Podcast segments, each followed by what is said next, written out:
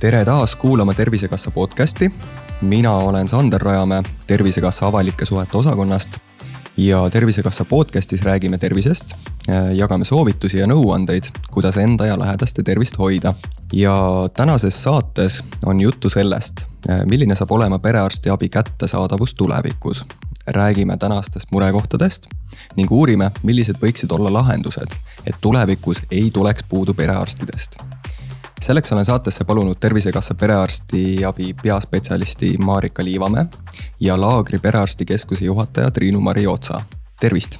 tere. tere hakkame siis kohe pihta ja, ja teadagi on siis Eestis hetkel kokku kuuskümmend kaks perearstita nimistut. see number siis äh, üha suureneb ja, ja üha raskem on siis leida äh, nimistutel uusi perearste ja, ja enne kui me sellesse probleemi siis äh, süvitsi lähme, siis ma küsingi, et, et miks see nii on, et me tänaseks, tänaseks sellises olukorras oleme et see kuuskümmend kaks äh, perearstita nimistut, see tähendab meil praegu seda arvu, kus meil on perearsti nimistu, kus ei ole päriselt perearsti, aga mis teenindab ikkagi nimistu patsienti, ehk siis see on ajutise asendusega nimistu.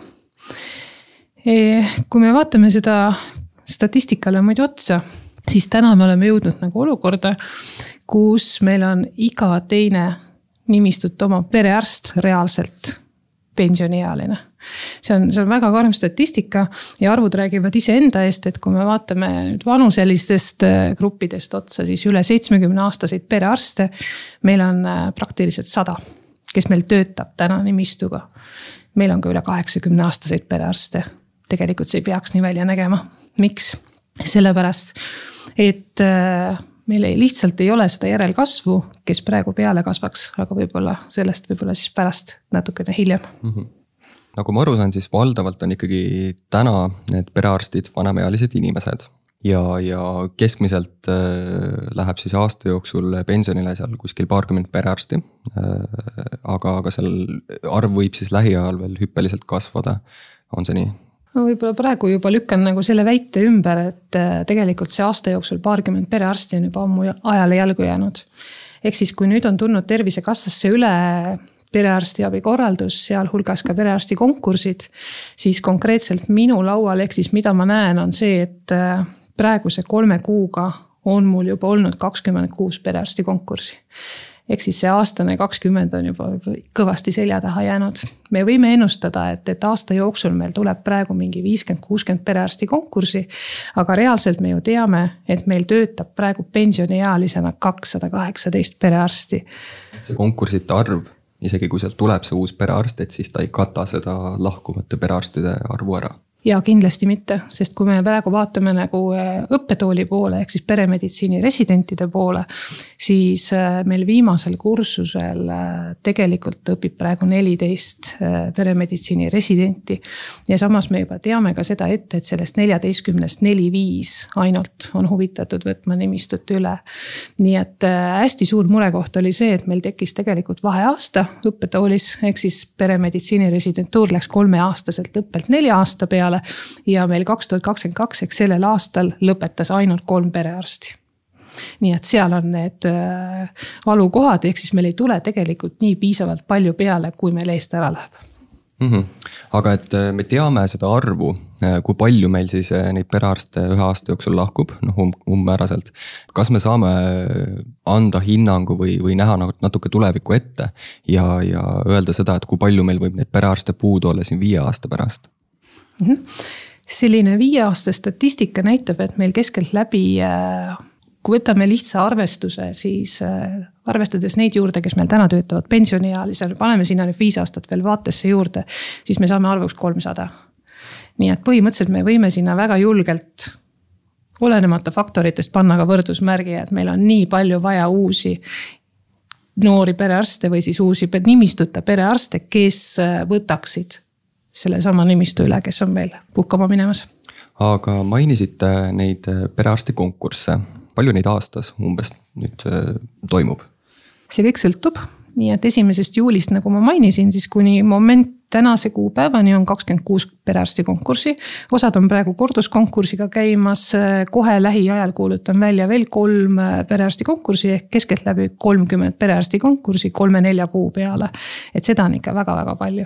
Aga nüüd see tulem eh, nende konkursside osas, kas need konkursid siis õnnestuvad või, või ikkagi peab neid konkursse uuesti tegema? sest et ei, läbi selle konkursi ei leita seda perearsti siin on mitu stsenaariumi, siin on äh, tegelikult peaaegu sellest äh, kahekümnest kuuest, kes praegu meil on nüüd konkursid tegelikult juba olnud, tulemused on teada. on osad perearstid, äh, kes jätkavad, ehk siis kellel me oleme nüüd otsused tühistanud sellepärast, et nad soovivad perearstitööd jätkata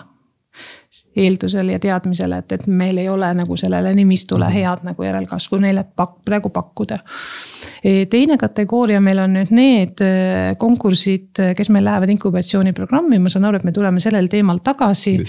ning e, kus siis noor perearst on, aga see on nagu selline teatud hulga üleandmine ja kolmas kategooria siis perearsti konkurssi on tegelikult, läheb nagu kahte lehte, et ühel, kellel on nagu ülevõtja ja kes tuleb konkursile.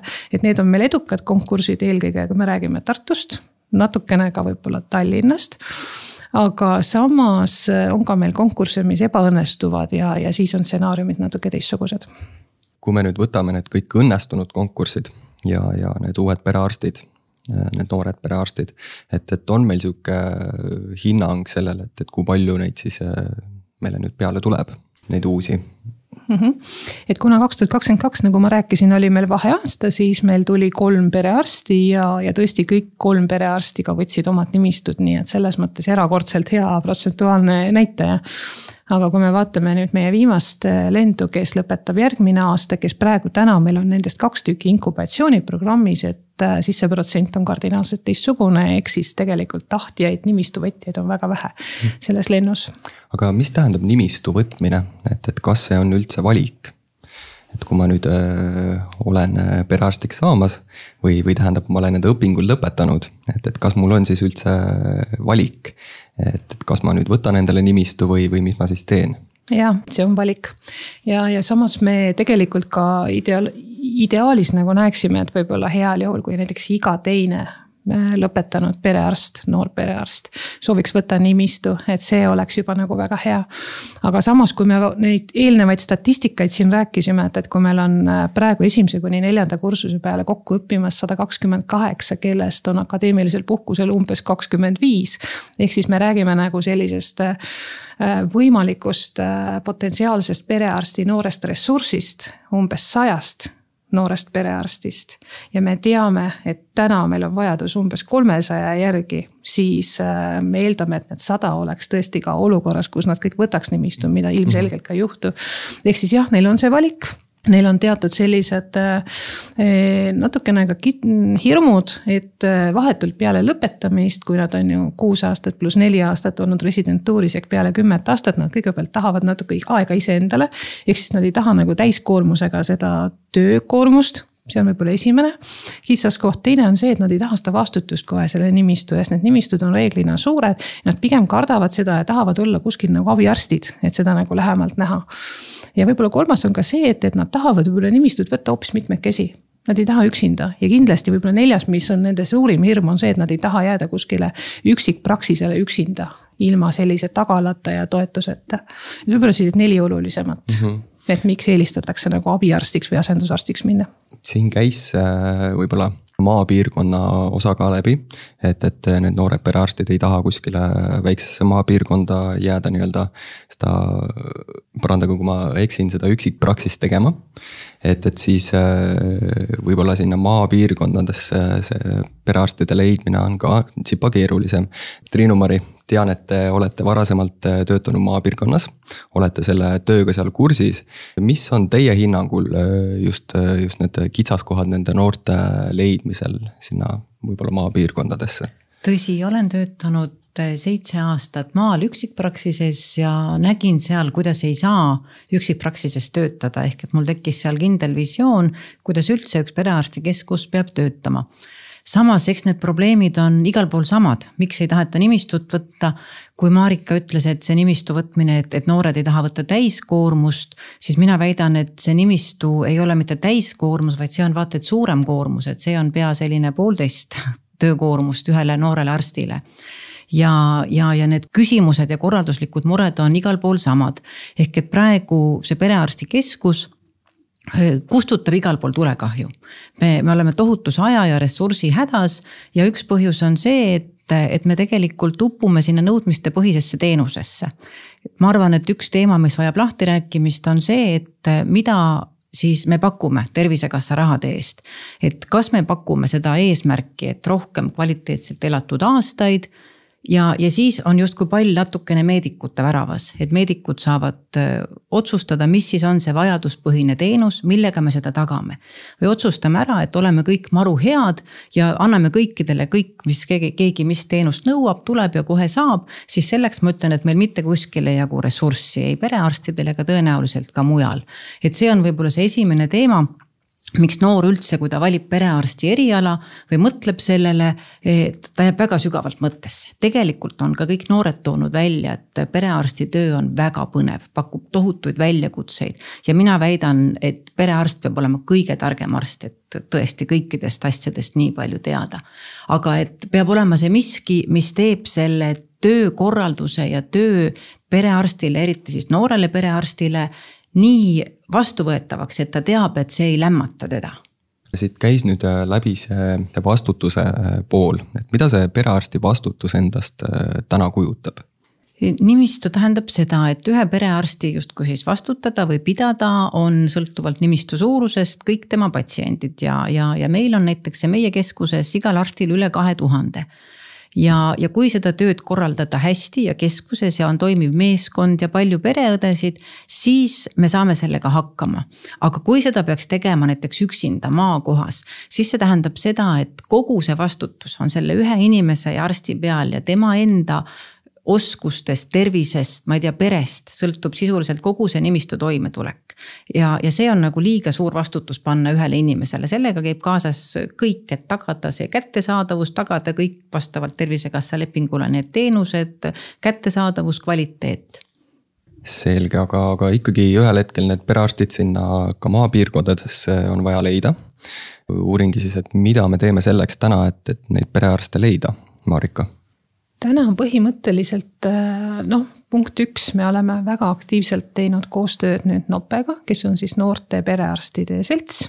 seal on äh, noori perearste, kellel ei ole oma nimistut, kellel on oma nimistu ja samas on seal päris palju ka peremeditsiini residente. ehk siis, mida me teeme, me natukene käime ja, ja külastame, ehk siis teeme paikkondlikke külastusi, kuhu me kaasame siis sellised piirkonnast kindlasti kohaliku omavalitsuse ütleme, selles piirkonnas töötavad perearstid, kelle nimistud on äh, lähiperspektiivis, lähiaastate vaates äh, vabanemas. ning mis on need kitsaskohad, mis on need võlukohad, mis on need head kohad, et, et, et kuhu ja miks tulla.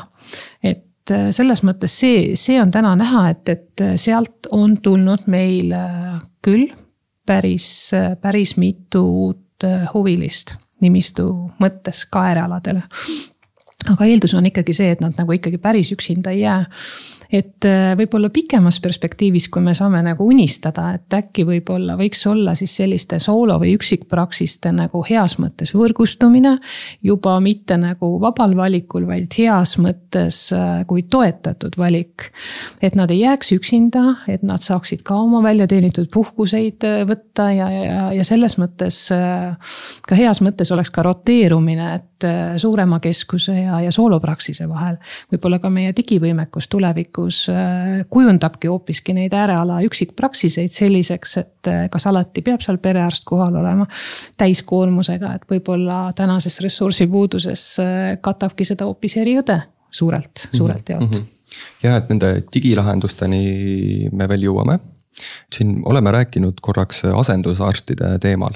ma saan, nagu ma aru saan, et siis see asendusarst äh, lülitatakse sinna perearstikeskusesse siis, kui, kui ei õnnestu leida seda äh, perearsti sellesse, sellele nimistule. saan ma õigesti aru?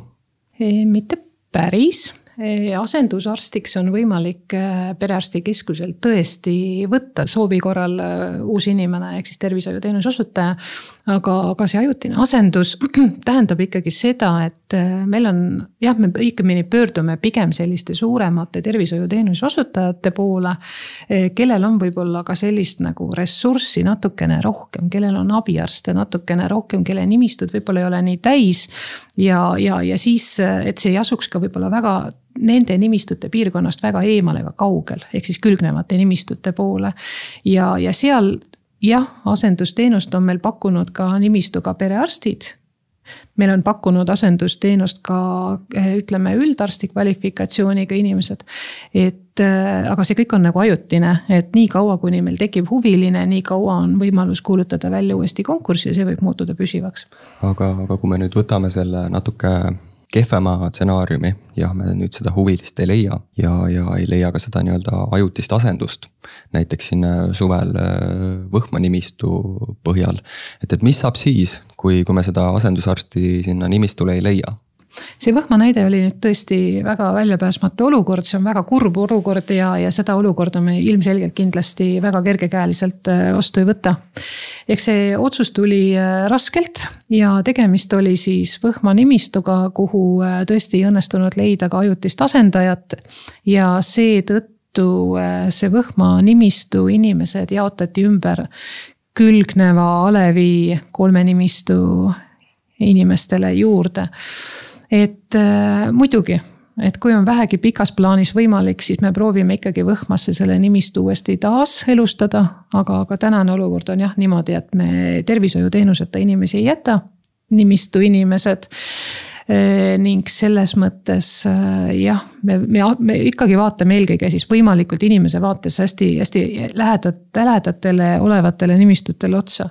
aga samas me teame ju ka vaikimisi ka seda, et see tõstab ju automaatselt ka lähedal olevate nimistute perearstide koormust mm. -hmm. nii et see on selline kahe otsaga asi, et, et kui tulla selle alguse statistika juurde tagasi, kas see on nüüd siis see käivitaja kus meil võib juhtuda ka olukord, et need äär, need külgnevad nimistud võivad meil noh, selles mõttes soovida nagu nimistuga töö lõpetada, siis äh, me kasvatame seda probleemi tänu sellele kordades suuremaks. selge, et aga võib-olla Triinu-Mari, oskad sa tuua selliseid näiteid või, või positiivseid äh, olukordi, miks üks noor inimene võiks siis perearstiks õppida? et, et mis paneb seda ühte noort inimest üldse huvi tundma äh, näiteks arstiteaduse vastu meie keskuses on väga palju positiivseid näiteid, kuna me oleme ka praktikabaasiks, on meil olnud kuuenda kursuse tudengeid, kõik säravad väga targad ja plaaniga minna neurokirurgiks või, või veel kõrgemalt lennata. ja peale seda praktika tsüklit meie juures valivad nad peremeditsiini eriala, sest nad näevad kui palju põnevaid väljakutseid see pakub ja, ja kui palju saab tegelikult äh, korda saata. aga nad tunnistavad sealjuures, et oma osa on sellel ladusal töökorraldusel, mis meie keskusel on. ehk et nad näevad, et äh, perearsti töö ei pea olema see, et sa oled üksinda kaksteist tundi ööpäevas tööl ja, ja, ja vastutad oma isikliku varaga peaaegu nende tervise eest et kindlasti see korralik töökorraldus, head töötingimused ja meeskond seal taga ja meeskond on siis tugevad pereõed, füsioterapeudid, vaimse tervise õde. et kõik teenused, mida saab delegeerida kellelegi teisele, ei ole ainult selle perearsti peal.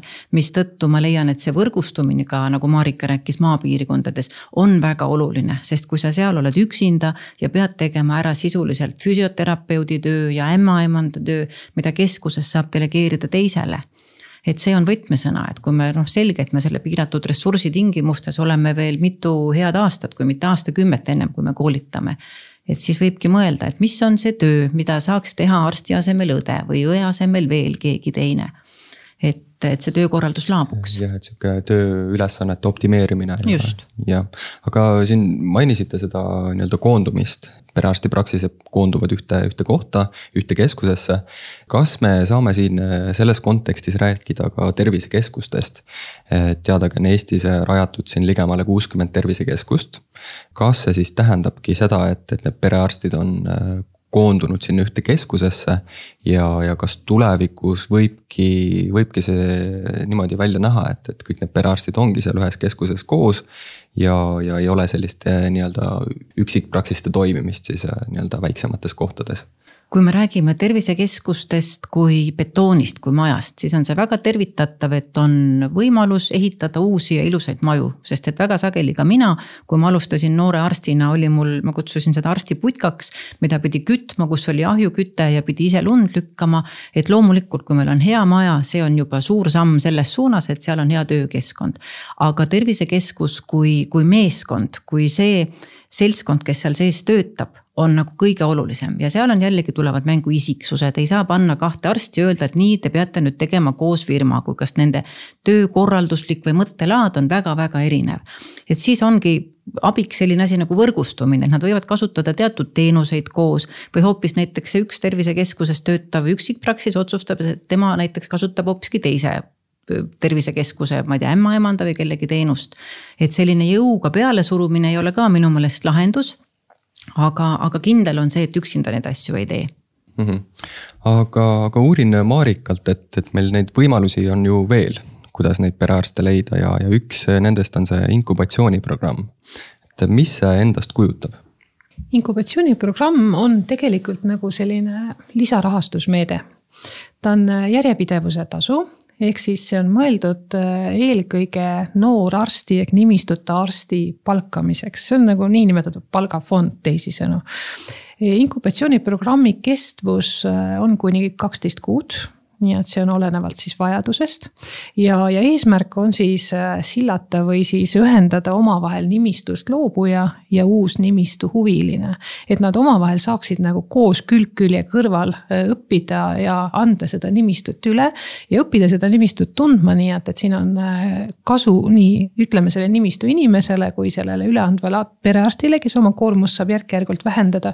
ütleme uuele tulijale, kes seda koormust saab suurendada ja, ja, ja niimoodi samm sammuliselt äh, õppida kõike selle nimistuga toiminguid äh, kenasti arsti kõrvalt äh, igapäevaselt juurde. ja, ja minu arust selline väga-väga hea meede, mis on rakendunud tõesti väljaspool Tallinnat ja Tartut. kas meil on täna juba siukseid edulugusid sellest inkubatsiooniprogrammist? et, et mõni selline perearst, kes on siis leidnud oma koha selle eelmise siis nii-öelda perearsti mentorluse all võib-olla sõnastasin selle natuke. ja jah, kuna meil on ka mentorprogramm paralleelselt, et siis see tõesti ei ole praegu see, et see on veel täiendav meede.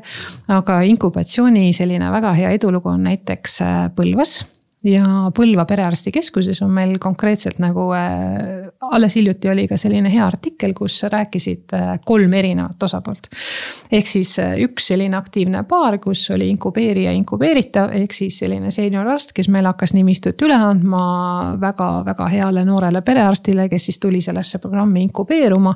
ning äh, kolmas perearst, kes oli hiljuti ise selle inkubatsiooniprogrammi läbinud ja nüüd on olnud äh, viimane aasta iseseisvalt äh, nimistuga perearst ja täna meil on nüüd, äh, kui me räägime tänasest päevast, siis meil on praegu kaks inkubatsiooniprogrammi. üks on meil Jõhvis ja üks on meil äh, Kuressaares, nii et selliste piirkondade üle on alati hästi-hästi suur heameel ja esimesest jaanuarist uuel aastal käivitub meil Viimsis ka järjekordne inkubatsiooniprogramm. selge, aga mainisid siin ka mentorprogrammi, mida see endast kujutab? Mentorprogramm on siis meil äh, Tervisekassas teist aastat äh, vältav programm, nii et tegelikult me võimegi ju praegu öelda, et me mõlemad oleme ka, osaleme doktor Triinu Mari Otsaga ju ka mentorprogrammis. nii et me oleme ise nagu mentori rollis ning äh, see on selline mm, pooleaastane teekond, retk oma menteega mis on äh, väga kasvatav, me oleme mõlemad üksteise jaoks väga olemas ja, ja, ja toetame selles mõttes äh, perearsti täpselt nii hästi, kui me, kui me omas rollis oskame. et jah, meil on tavaliselt on mentoriteks perearstid, aga, aga meil on ka tervisekassa enda poolt mõned inimesed, kes on nagu mentori rollis ja menteed on meil siis reeglina perearstid ja on siis erinevaid, on siis ka alles alustanud noori perearste, mis on ka nagu minu fookus, et mina, minu mentee on, on noor alustav perearst. ja samas see on hästi vajalik ja hea võimalus tegelikult näha neid just noore perearsti kasvukohti ja kitsaskohti ja, ja rõõmulugusid ja.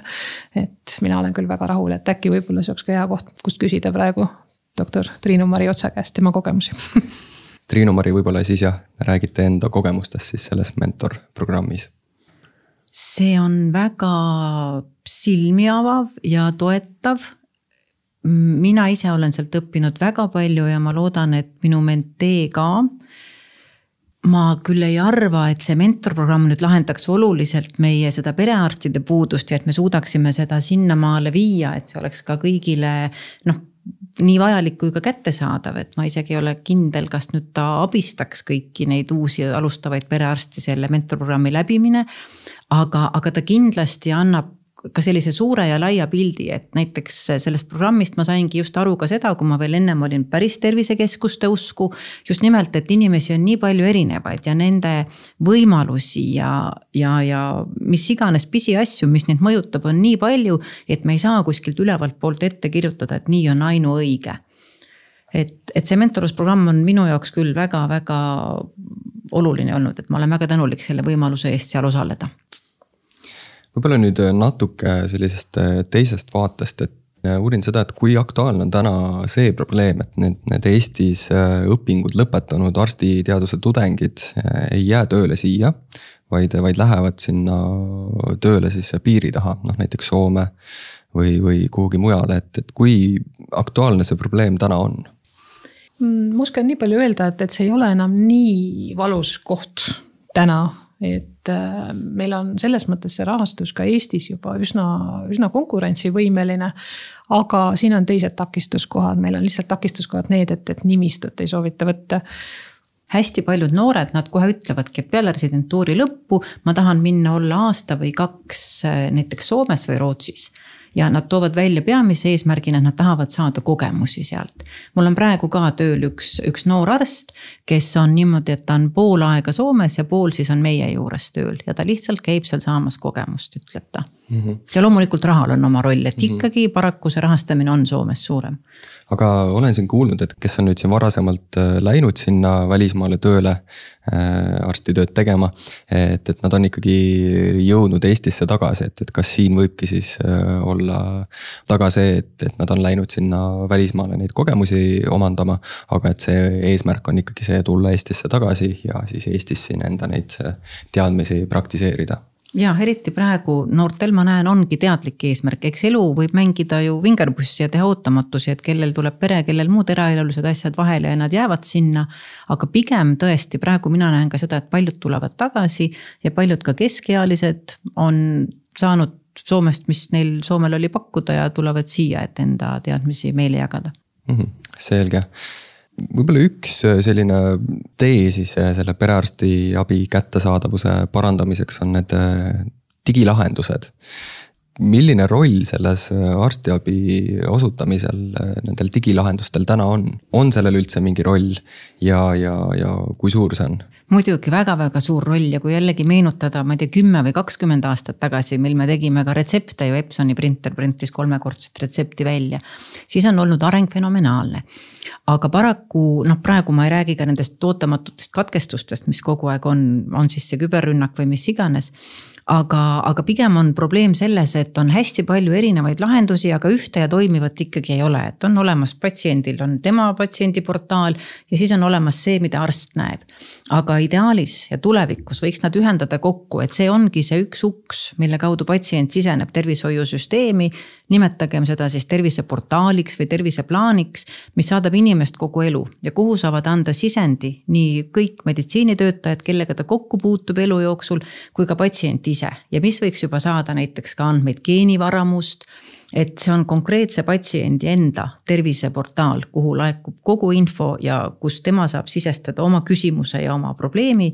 ja saab sealt siis ka vastuse, et kas nüüd pead minema kohe perearsti juurde või, või kiirabisse või, või pead vaatama hoopiski siit meie filmiriiulilt seda infot, mida teha kõrgenenud kolesterooli korral näiteks vaadates neid, neid lahendusi ja neid probleeme, et, et mis, mis meil see tulevikuvaade on, et kuidas me selle nii-öelda üldise probleemiga siis edasi läheme? ja see üldine probleem ongi siis perearsti kättesaadavuse siis tagamine siin lähiaastatel ja, ja ka pikemas tulevikus kui ma võin alustada, siis äh, ma ikkagi toetan sellele päris reaalsele numbritele, ehk siis äh, kui me laias laastus räägime, et, et meil on umbes puudu kakssada perearsti. Kakssada perearsti, kes tegelikult ise tahaksid võtta nimistut ja, ja, ja olla selle nimistu eestvedajad. samas äh, tekib meil tulevikuvaade, kas me kõiki neid nimistuid, mis meil täna on äärealadel üksikpraksised, kas me peame neid hoidma niimoodi elus me peame tegema siin mitmeid muutuseid paralleelselt korraga. võib-olla oleks ka see mõttekoht, et äh, kas meie tänases ressursi väheses olukorras ei oleks mõistlik et need nimistu piirsuurused oleksid hoopis teistsugused. et ärme hoia neid tehislikult täpselt sellisena, nagu nad on, vaid vaatame sellele töökorraldusele sisse. ja vaatame, kust me saame võib-olla tuua seda paremat, paremat lisaressurssi, mitte perearstide näol, vaid võib-olla õdede näol, võib-olla hoopis kellegi teise näol. miks ei võiks meil olla näiteks unistades ka nimistu suurused viis tuhat, seitse tuhat. aga kui seal töötab nimistu juures hoopiski kuus-seitse õde ja kaks perearsti või siis abiarst ja üks perearst. või siis näiteks võrgustumine, millest enne juttu oli, et, et see oleks nagu selline poolkohustuslik. ning äh, miks mitte näiteks unistada edasi, et kas nimistud tegelikult ei võiks kuuluda hoopiski sellistel juhtudel ka keskustele. miks nad peavad olema seotud perearstiga? et äkki need mõtted Need kõik võivad olla toimivad lahendused, aga me oleme siiani jätnud välja ühe olulise partneri, eh, kelleks on patsient. ja mina näen, et sellisel juhul meil peab olema seal perearsti meeskonnas partnerina ka patsient, kes teab mida talle tervisekeskuses pakutakse ja mis on seesama vajaduspõhine teenus, mida ta sealt saab. ehk et ka selles uue arengukava valguses, mis samamoodi otsib ju lahendusi sellele tervishoiukorralduslikule esmatasandi probleemile, on väga oluline roll kodu, kogukonna ja patsiendi võimestamisel. et eh, on asju, mida ei pea tegema perearstikeskus, mida saab teha ära patsient ise, kodu, kogukond. ja, ja, ja sel juhul see ei saa olla selline nõudmistepõhine teenus, et patsient õhtul otsustab, et ah, mul on ikka nohumaru tüütu, ma nüüd tahan jalutada perearstikeskusest läbi. sellisel juhul me ei tule toime ei tuhande kuuesajase nimistuga ega ka nende viie, kuue, kuue tuhandestega. et sellisel juhul mina arvan, et võiks olla needsamad kiirkliinikud, kui patsient tahab saada teenust nagu vorstipoest vorsti, siis ta võib läbi jalutada kiirkliinikust, maksab selle eest teatud summa ja saab oma selle ülevaatuse, kui tema tunneb, et tal on seda vaja. et, et ikkagi esimene konflikt või probleem, mis tuleb selgeks rääkida ühiskonnas, on see, et mis on nõudmiste põhisus versus vajaduste põhisus. ja kas siin võib ka meedikuid usaldada, kui me tahame saada vajaminevat arstiabi õigest kohast õigel ajal selge, mainisite siin äh, sellist vajaduspõhist ja, ja nõudmispõhist äh, lähenemist sellele tervishoiusüsteemile. et, et mida see tähendab ja, ja kui palju te peate tegema valikuid siis äh, inimeste pöördumistes? Neid valikuid me teeme ju tegelikult kogu aeg, aga murekoht on selles, et patsiendi ja meediku vaade sellest, mis on vajaduspõhine, läheb tihti lahku. ehk et patsiendi meelest on ju täiesti mõistetavalt iga tema mure vajaduspõhine, tal on hirm, ta on ärev, tal on valu ja ta tahab saada kohe pöördumist. aga meediku vaade on see, et eh, meedik vaatab sinna mure sisse arsti pilguga ja teeb oma otsuse, et kas see on selline seisund, mis vajab sekkumist nüüd ja kohe. kas see vajab teatud aja jooksul, kas see üldse vajab, nagu me teame, kaheksakümmend protsenti haigustest on ise limiteeruvad. ja, ja, ja meie oma vastuvõtul ja ka õed triaaži tehes üritavad mõelda niimoodi, et kas see on seisund, mille puhul varajane sekkumine on vältimatu, vastasel juhul kas inimese eluiga või elukvaliteet halveneb ja, ja kui see on niimoodi, siis me sekkume kohe ja kiiresti. aga kui me oleme parasjagu koormatud nendega, kes lihtsalt arvavad, et aga mul on üks punn, et ma ikkagi tahaksin, et see saaks täna kohe üle vaadatud või mul on juba teist päeva ikkagi nohu ja kolmkümmend seitse, kaks palavik, et igaks juhuks üle vaadata. et, et, et seal on see inimeste arusaamine vajaduspõhisest erinev natukene asetub siia konteksti ka meeste tervisekontrollide teema. et, et kas see siis on äh, vajaduspõhine või on see, või on need tervisekontrollid ikkagi nõudmispõhised. mida ütlete teie, et, et kas ühel täisealisel inimesel, noh meesterahval, on siis üldse põhjust äh, näiteks sellesse tervisekontrolli tulla ja seda arstilt paluda? igal täisealisel mehel on täiesti mitte isegi vajadus, vaid kohustus oma tervise eest hoolitseda ja hoolt kanda. ja loomulikult, kui vaja, siis teha ka tervisekontrolli. siin tasub jällegi läbi mõelda see, et, et mis on need screening uuringud, millega on tõestatud, et nende tegemine teatud aja tagant on näidustatud, ehk sealt screen ides saame me kätte teatud arvu haigustunnustega inimesi, kellel on vajalik varajane sekkumine. Nüüd seesama mees, kes tahab tulla tervisekontrolli, mina võtan kõik nad kahel käel vastu ja, ja, ja me vestleme nendega. ehk et tervisekontroll ei ole iga kord kõik uuringud ja kõik äh, kompuuteruuringud, vereanalüüs iga aja tagant, vaid see on mehe enda arusaamine sellest, kas ta elab tervislikult. on väga palju haigusi, mis on eluviisidest kinni isegi ütleks et, et viiskümmend protsenti haigustest sõltub inimese eluviisidest ja, ja see on koht, mida mees peaks veel ennem tegema, kui ta sinna tervisekontrolli tuleb. kui ta jääb hätta, siis loomulikult perearstikeskus teda võib aidata, et mis, mis sa pead selleks tegema ise, et terve olla.